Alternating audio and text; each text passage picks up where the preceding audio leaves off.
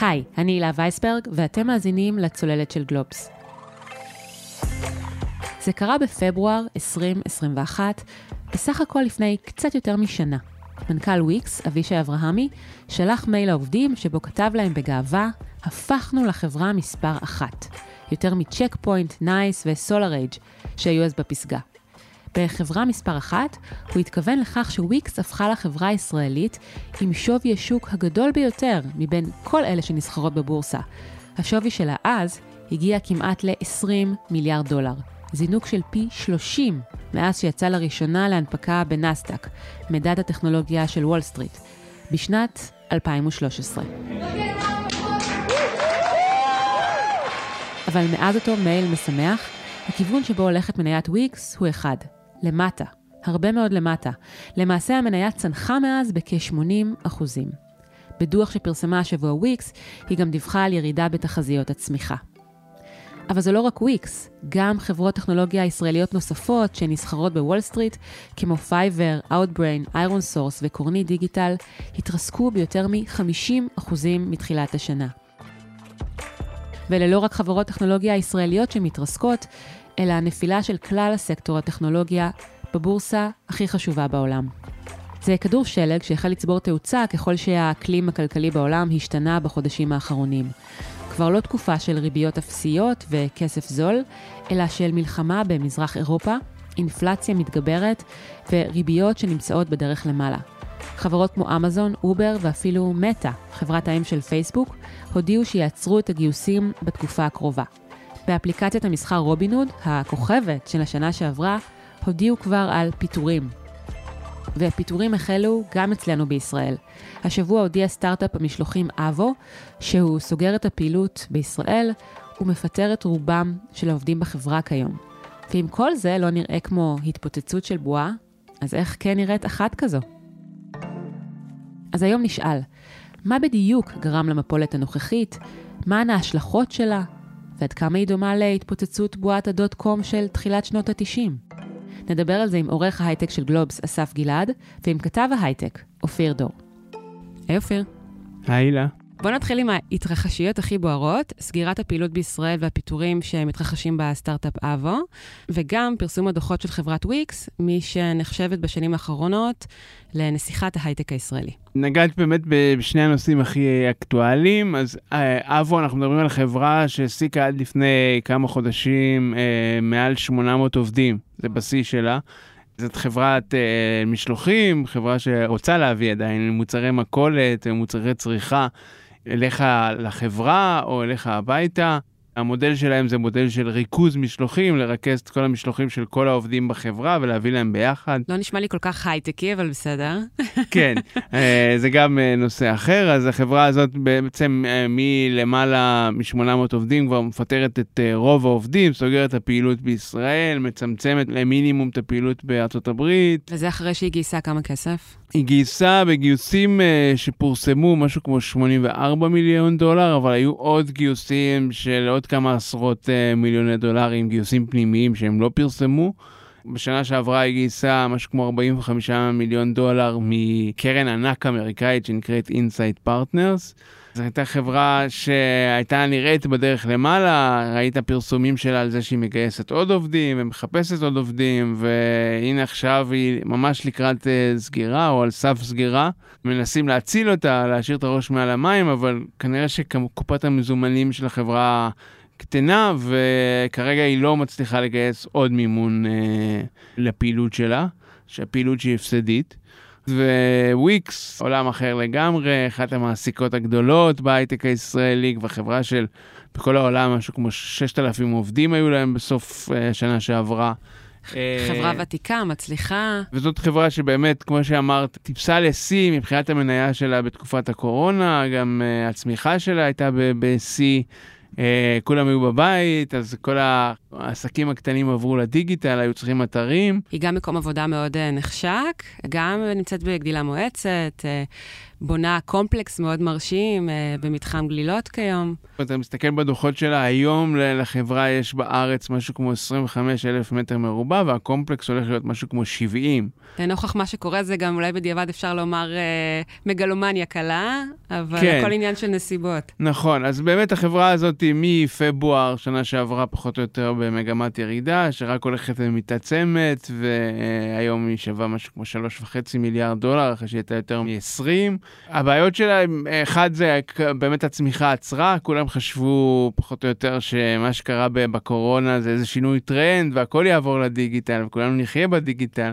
נגמרו הסגרים והעסקים חזרו לפעילות פיזית והאינטרנט אה, מצטמצם ויש אינפלציה ויש עוד אה, מלא דברים אחרים שעוד נדבר עליהם בהמשך. אז גם הצמיחה שלה נעצרה, וגם ככה בשוק ההון אה, התחילו להסתכל על דברים אחרים, על רווחיות, על תזרים מזומנים. וויקס מעולם לא הייתה רווחית, אבל זה לא דבר שהסתכלו עליו כל כך, כל עוד באמת הכסף היה מאוד מאוד זול, וההכנסות שלה היו מאוד יפות. הם חברה שלרוב יש לה תזרים מזומנים חיובי, כאילו גם אם היא לא רווחית ברמת החשבונאית, יש לה תזרים מזומנים, וזו לא חברה שמדממת כסף, היא כאילו יכולה להחזיק את עצמה בעצמה, אה, אבל היום המשקיעים רוצים תזרים יותר גדול, רוצים חברה שהיא יותר רווחית, אז גם זה פגע בוויקס, שני הדברים האלה ביחד.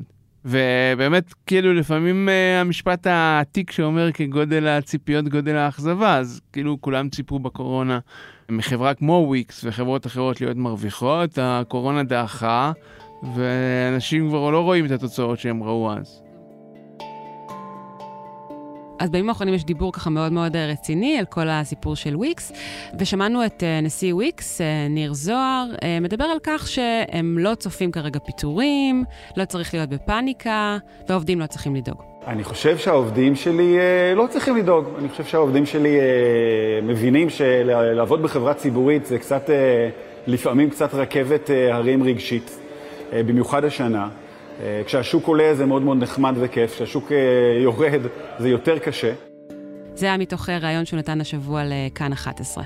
אז מה, אתה קונה את זה, אופיר?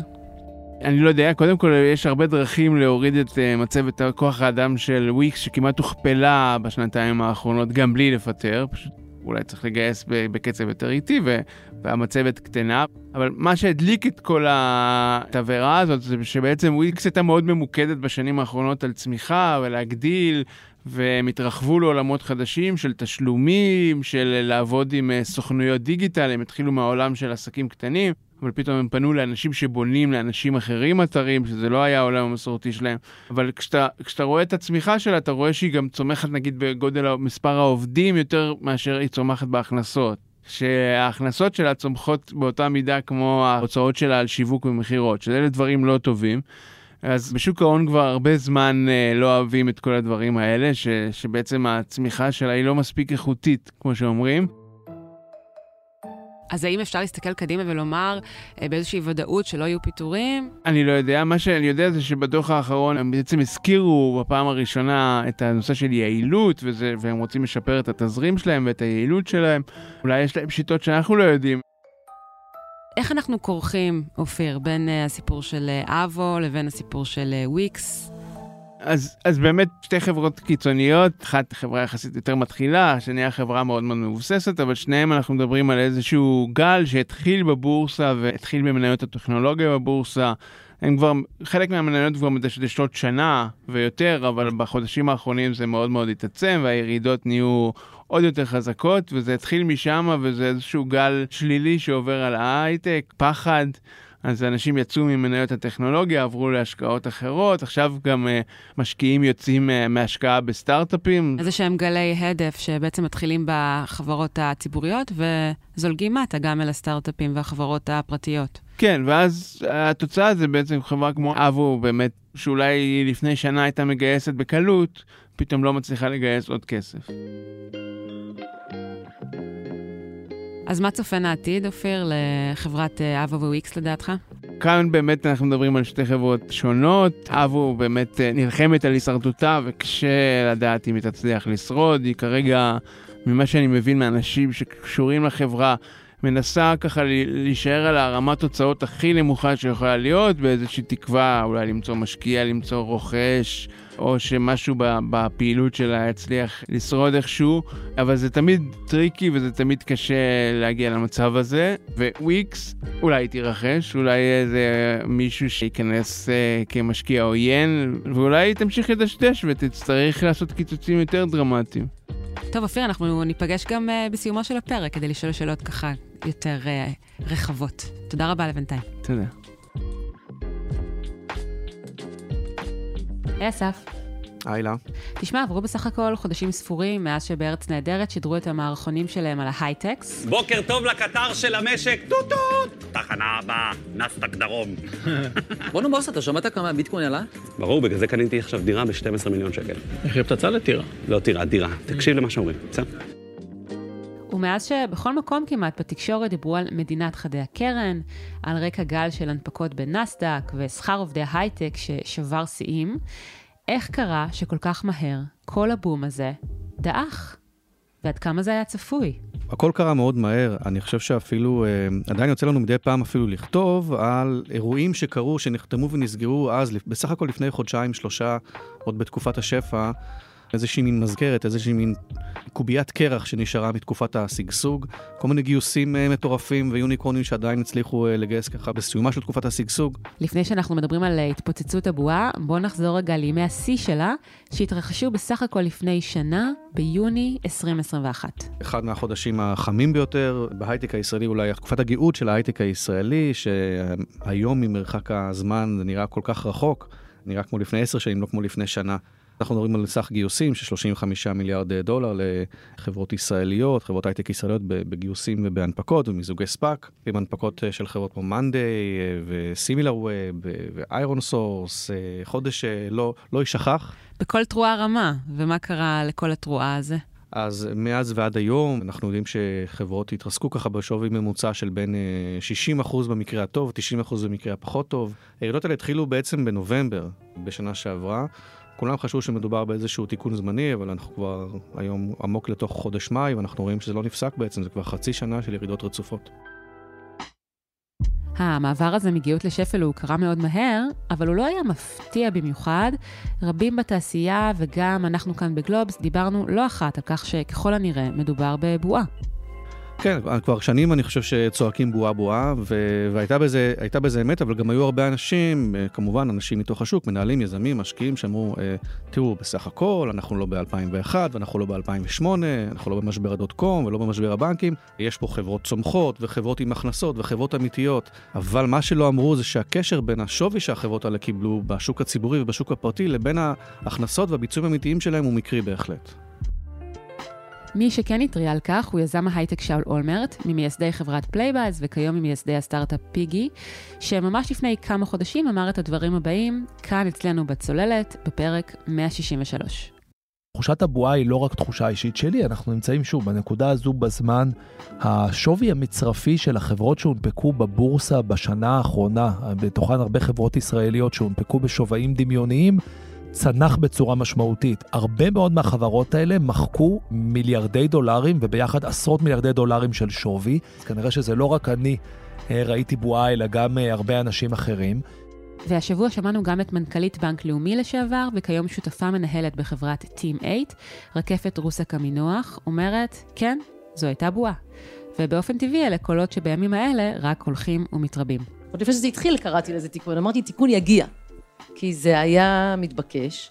אז אני נמנעת מלהשתמש במילים מוטרפות, כי, כי לימדו אותי לשמור על אה, מילים אה, מכובסות, אבל אין ספק שהשנתיים האחרונות אה, הביאו אותנו למקומות שלא היינו צריכים להגיע אליהם. הדברים האלה נאמרו בכנס היוניקורנס השנתי של פורבס ומשרד עורכי הדין מיתר. אז איך אפשר להסביר בעצם את מה שאנחנו רואים עכשיו, את uh, מכלול הנסיבות שהביא אותנו עד הלום?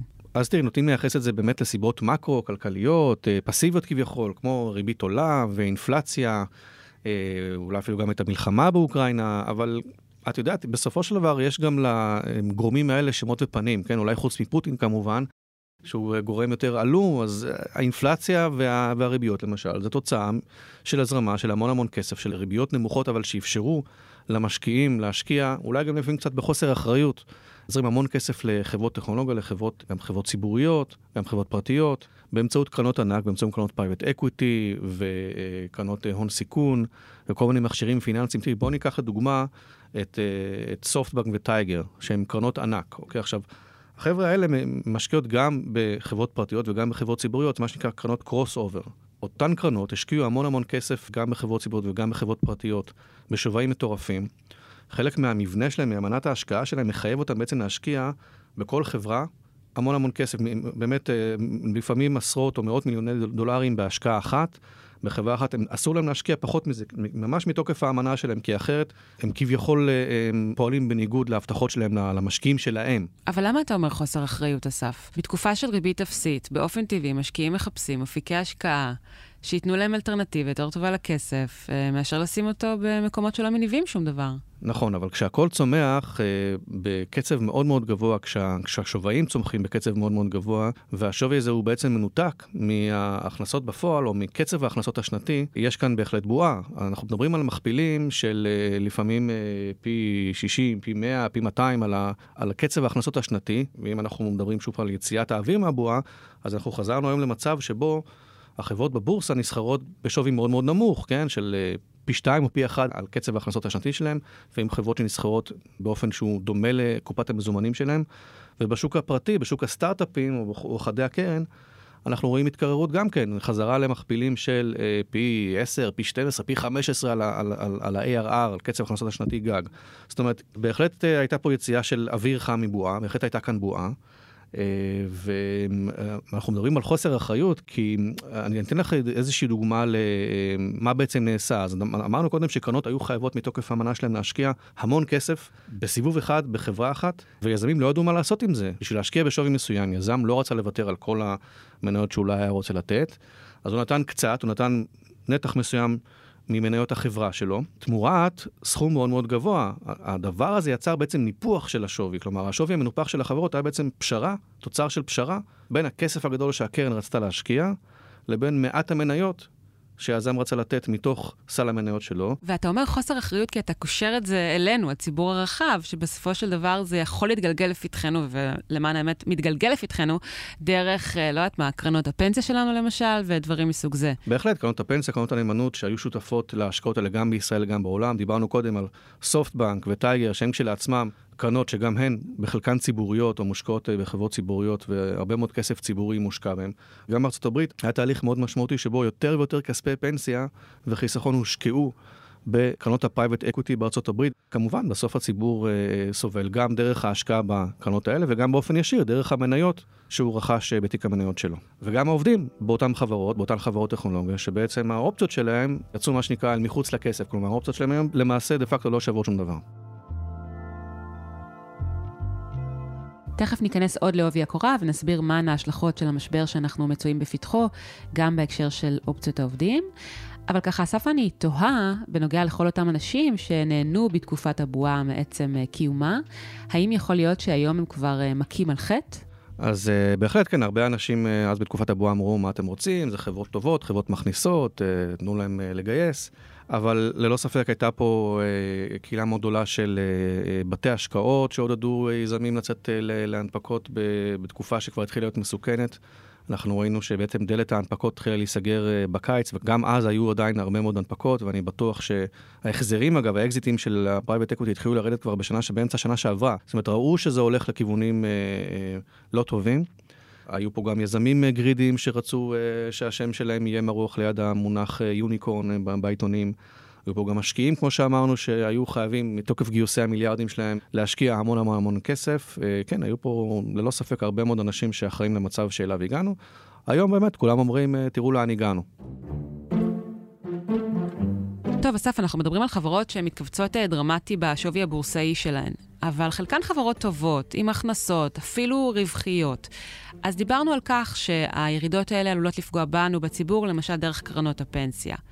אבל סך הכל, אם החברות האלה הן חברות טובות, ככל הנראה הן יצמחו בעתיד, אז למה כל הסיפור הזה כל כך דרמטי?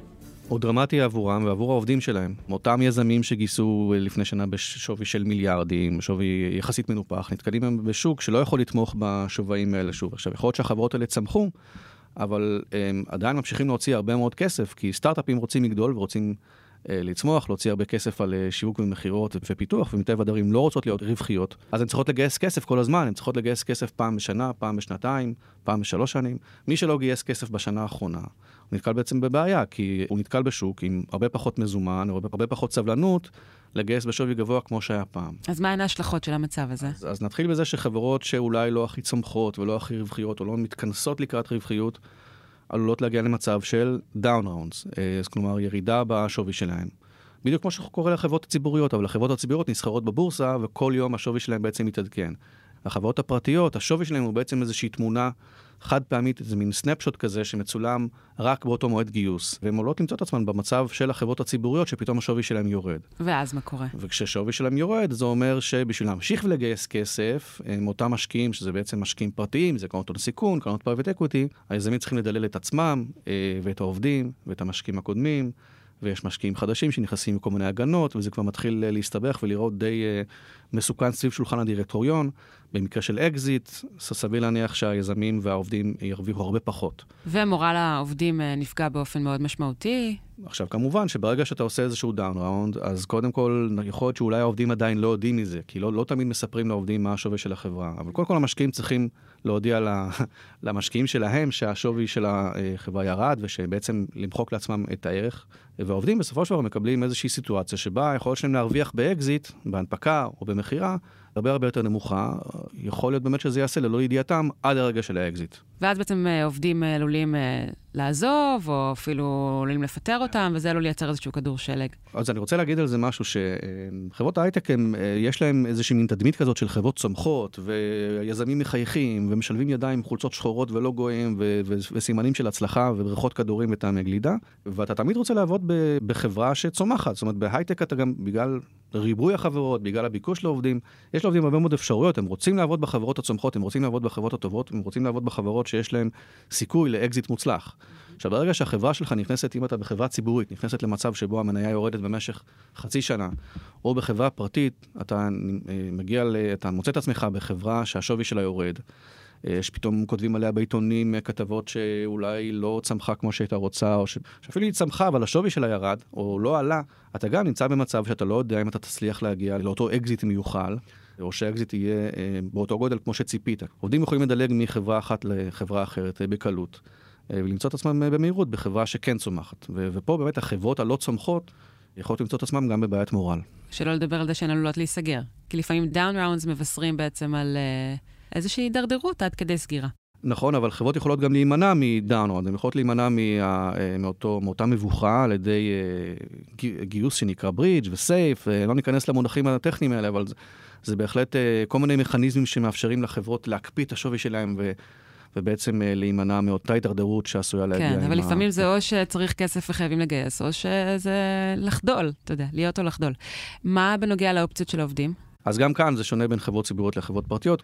מניות של עובדים בחברות הציבוריות, בוא נניח שעובד יצטרף בתקופה יחסית מוקדמת באותה חברה, אז אפילו היום המניות עדיין כנראה בשווי יותר גבוה כשהוא יצטרף לחברה, מה, מהמחיר שלה, של מימוש האופציות נקרא לזה ככה. אבל רוב העובדים מצאו את עצמם בעצם מה שנקרא מחוץ לכסף, במצב כזה ש... מה זה אומר מחוץ לכסף? שמחיר מימוש האופציה שהם קיבלו הוא יותר גבוה ממחיר המניה, כלומר לא משתלם להם בעצם לממש את האופציה ולרכוש את המניה היקרה, ואז חברות בעצם צריכות למצוא כל מיני פתרונות לנושא הזה, כי גם לא יש השפעה מורלית מאוד מאוד גדולה, אז הן מנסות להקצות יותר אופציות, או להקצות יותר מניות חסומות, או אפילו לתמחר מחדש את האופציות. שוב, לא ניכנס למנגנונים האלה, אבל מדובר במנגנונים שהם יקרים לחברות, וחלקם אפילו יכולות להביא את החברות האלה להפסד. אסף, אתה מדבר על סיטואציה שבה עדיין אה, האקלים הוא כזה שיש ביקוש מאוד מאוד גדול לעובדים, אה, השכר עדיין גבוה, אבל אם אנחנו עומדים בפתחו של משבר, ייתכן שאנחנו נראה מגמה. שהולכת ומתהפכת. Uh, הביקוש לעובדים, אפילו מתכנתים עלול לרדת, השכר עלול לרדת, האם זה גם משהו שנמצא באופק, ואיזה אפקט דומינו על כלל המשק זה עלול ליצור? אז אני רוצה לבשר לך שהשכר דווקא uh, עלה. אה. אבל מדובר על שכר בחודש פברואר, כן? שזה תמונת אה, מראה הפוכה אולי למה שאנחנו נמצאים היום. כן, פברואר ספק, זה מזמן. בדיוק, פברואר זה עידנים אה, מאחורינו, אבל אין ספק שאנחנו כבר רואים ירידה בביקושים למתכנתים, זה גם יצא, בנתון שיצא בלמ"ס, ירידה של 3% מינואר למרץ השנה. וללא ספק היא מוביל גם לירידת משכורות. אנחנו רואים הקפאות בלא מעט חברות, ראינו כבר הקפאת גיוסים במטא. גם באובר שלא פעילים בארץ אה, הקפיאו משרות. אה, יש כל מיני חברות בינלאומיות, חברות בורסאיות שאנחנו כרגע לא יכולים לציין את שמם, שהקפיאו אה, משרות, כן. אז קטר ההייטק עלול להאט, מה שעלול להאט את כלל המשק הישראלי, כי קטר ההייטק הוא רכיב מאוד דומיננטי אנחנו בתוכו. כבר ראינו בעצם ירידה מאוד משמעותית בייצוא שירותי הייטק. ברבעון האחרון ירד ב-17%, זה אחרי צמיחה של 35% ברבעון הקודם, כן? אז עדיין מדובר בעלייה משמעותית ביחס לתקופה של אשתקד, אבל הירידה כבר התחילה, וזה בהחלט גם משפיע. אנחנו ראינו שבעקבות הירידה הזאת, גם המשק הישראלי אה, כנראה נכנס להאטה, התכווצות של תוצר ב-1.6 ברבעון הראשון של 2022, זאת אומרת, יש לזה השלכות גם למקרו-כלכלה הישראלי, וזה רק בהתחלה. טוב, אסף, בואו נחזיר עכשיו את אה, אופיר דור, חברנו, אל השיחה, ואני אשאל את שניכם את אותה השאלה. אה, וזו שאלה שכנראה תישאל שוב ושוב אה, בחודשים הקרובים. האם ועד כמה מה שאנחנו רואים עכשיו הוא שידור חוזר באיזושהי קונסטלציה של התפוצצות בועת הדוט קום של סוף שנות ה-90. אני חושב שאנחנו לא נמצאים במצב שאפשר לשוות אותו למשהו שקרה. לכל משבר אה, יש את האופי שלו, המשבר של 2001 אה, נוצר כתוצאה ממודלים כלכליים מופרכים, אה, חברות שבכלל לא היו להם הכנסות לצורך העניין. 2008 זה היה משבר הבנקים בכלל, זה לא התחיל בטכנולוגיה, אז בעצם הסקטור הייטק נפגע, היו המון פיטורים, היו המון חברות שנסגרו, אבל באמת בגלל אווירת השקעות מדכדכת. אנחנו לא נמצאים היום במצב שבו בנקים פשטו את הרגל, או שבו... או שחברות מוכרות אוויר. או שבו חברות מוכרות אוויר, וגם לא שמיליונים נתקעו בלי בתים כי לקחו משכנתאות מטורפות. אנחנו עדיין לא שם לפחות, כן? אבל אנחנו כן במצב שבו האוויר יצא מהבועה, אוקיי? ואנחנו גם במצב שבו המון חברות נמצאות במצב שהן אחרי גיוס של עשרות, מאות מיליארדים של דולרים. אבל אנחנו כן נמצאים בתקופה שאנחנו מסכמים גיוסים של מאות מיליוני דולרים לחברות, אה, בין השאר גם ישראל. זאת אומרת, יש לה המון חברות, המון כסף בקופה, שיכולות בעצם להחזיק את המעמד הזה בשנה, אולי אפילו שנה וחצי הקרובות. יש כמה חברות שלא נמצאות במצב הזה, יש חברות ש... שמלכתחילה מבנה ההוצאות שלהן הוא מאוד מאוד גדול, שצריכות לגייס כסף ממש ממש כל הזמן. אבו למשל הייתה כזאת, ואולי בגלל זה המשקיעים החליטו אה, לחתוך שם. חברות ישראליות גם הן חברות שהן ברובן חברות טכנולוגיות, זאת אומרת, הם, יש להן המון טכנולוגיה ומעט אה, לוגיסטיקה. אז אנחנו כן אה, צפויים לראות שרוב חברות ההייטק אה, יצליחו למשוך לדעתי, ואנחנו נראה המון המון M&A, אנחנו נראה המון המון רכישות, המון חברות שאולי המשקיעים אה, מגיעים למסקנה שהקצב הצמיחה של החברה הזאת אולי לא מצדיק את ההשקעה, ואז הם יעודדו את היזמים להירכש. היזמים עצמם כמובן יחפשו את ההזדמנות הזאת בעצמם. בעיתון זה נראה סבבה, כן, פתאום יש איזושהי אקזיט, פתאום חברה נמכרת, לא תמיד אומרים את הסכום שלה, לא תמיד מגלים את הסכום שלה לציבור, ואפשר להציג את זה בתור איזשהו אקזיט, בתור איזושהי רכישה נחמדה, למרות שלפעמים המציאות היא קצת יותר אה, אפורה מזה. זה יכול להיות גם חברה שאולי נמכרה בפי 2, פי 3 על הכסף, שזה סבבה, אבל זה לא, לא אותה השקעה שכולם קיוו לה בהתחלה, של פי 10, פי 20, פי 30 על הכסף. אז אופיר, מה דעתך לגבי ההקבלה שעושים כיום בין אה, מה שקורה עכשיו לבין בועת הדוט קום. לפני בערך חודש-חודשיים הייתה כתבה בניו יורק טיימס שהכותרת שלה הייתה בועת הטכנולוגיה שאף פעם לא מתפוצצת. ומה שהיה זה בעצם, כל הכתבה הייתה timeline אחד גדול, שבו מראים איך ב-11 שנה האחרונות, כל פעם יש אה, מישהו שטוען, הנה עכשיו מתפוצצת הבועה, הנה זה כמו הדוט קום, וזה לא קורה בפועל. זה קרה בפעם האחרונה בתחילת אה, 2020, בתחילת הקורונה, כולם היו בהיסטריה, היה יותר פיטורים מהיום, והיו בטוחים שהולכים למשבר ענק בהייטק, ובכלל בכלכלה, אבל ספציפית בהייטק. זה גם לא קרה, זה להפך, זה הפך לתקופת שיא. זה, זה קודם כל הכוונה היא שאנחנו לא יודעים, אנחנו לא יודעים לאן זה הולך. דברים יכולים להשתנות, אה, השוק יכול להשתפר, אה, איזושהי הודעה לגבי הריבית, ו- והכל משתנה. זה לא, לא הכל משתנה בן לילה, אבל זה יכול לשפר את איך זה נראה, אז אנחנו לא יודעים אנחנו הולכים עכשיו למשבר של שנים, ואנחנו מדברים על קום, משהו שכאילו... לחברות לקח שנים להתאושש ממנו, והשוק היה באיזושהי דעיכה במשך שנים. אז קשה להגיד את זה, גם קשה להשוות באמת תקופות שונות, שם היה חברות אולי בלי הכנסות, עכשיו יש, הבעיה היא חברות עם הכנסות, אבל עם יותר הוצאות מהכנסות, או חברות שמציגות הכנסות על ידי הרבה מאוד הוצאות על שיווק, על uh, מכירות, שזה צורה אחרת של הדברים. אז באמת קשה לדעת, ויש כל הזמן הקבלות, גם אני עשיתי לפעמים הקבלות, יש חברות יש את אה, אבו ויש חברות משלוחים שקרסו בדוט קום, אבל, אבל תמיד זה, זה לא בדיוק אותו דבר, ובאמת בהיסטוריה תמיד קשה להשוות, צריך לחכות ולראות. ויכול להיות שבאמת הסיפור הנוכחי יסתיים עם אבו, ויכול להיות שהוא יסתיים עם עוד חברות. הכל יכול להיות, קשה לדעת איך זה ילך. באמת, צריך לזכור שבתחילת 2020 כולם היו בהיסטריה בתחילת הקורונה, וחשבו שהולכים למשבר ענק, וקרה ההפך. אז uh, באמת הסימנים לא מעודדים כרגע, אבל קשה לדעת אם אנחנו על משהו שהולך לקחת אותנו לשנים קדימה, וכמה שנים. אז כל שנותר לנו זה להיפגש פה עוד כמה ימים או שבועות, ולעקוב ולספר למאזיננו מה קורה. אופיר דור, תודה רבה. תודה. עד כאן עוד פרק של הצוללת. אתם יכולים למצוא אותנו באתר גלובס, בספוטיפיי או בכל אפליקציות פודקאסטים, ונשמח אם תדרגו אותנו שם גבוה.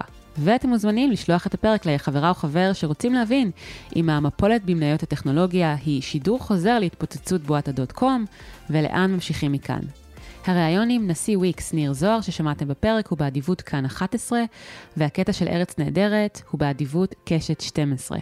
עורך הסאונד הוא ניר לייסט. אני הילה וייסברג, בצוות הצוללת חבר גם אורי פסובסקי. תודה לאסף גלעד ולאופיר דור, ותודה לכולכם שהאזנתם. נתראה בפעם הבאה. ביי ביי.